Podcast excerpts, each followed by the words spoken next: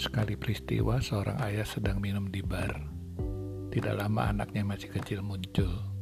Ternyata anaknya tahu di mana ayahnya dengan mengikuti jejak ayahnya yang tercetak di salju. Anak akan selalu mengikuti teladan orang tuanya. Karena itu sebagai orang tua berikan teladan yang baik. Kristus pun memberi teladan bagi kita untuk melayani di dunia yang sedang dilanda pandemi COVID-19 ini. 1 Petrus 2 ayat 21 tertulis begini. Sebab untuk itulah kamu dipanggil, karena Kristus pun telah menderita untuk kamu dan telah meninggalkan teladan bagimu, supaya kamu mengikuti jejaknya.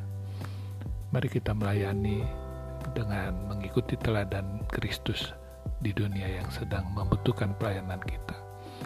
Kiranya Tuhan menguatkan dan memberkati kita.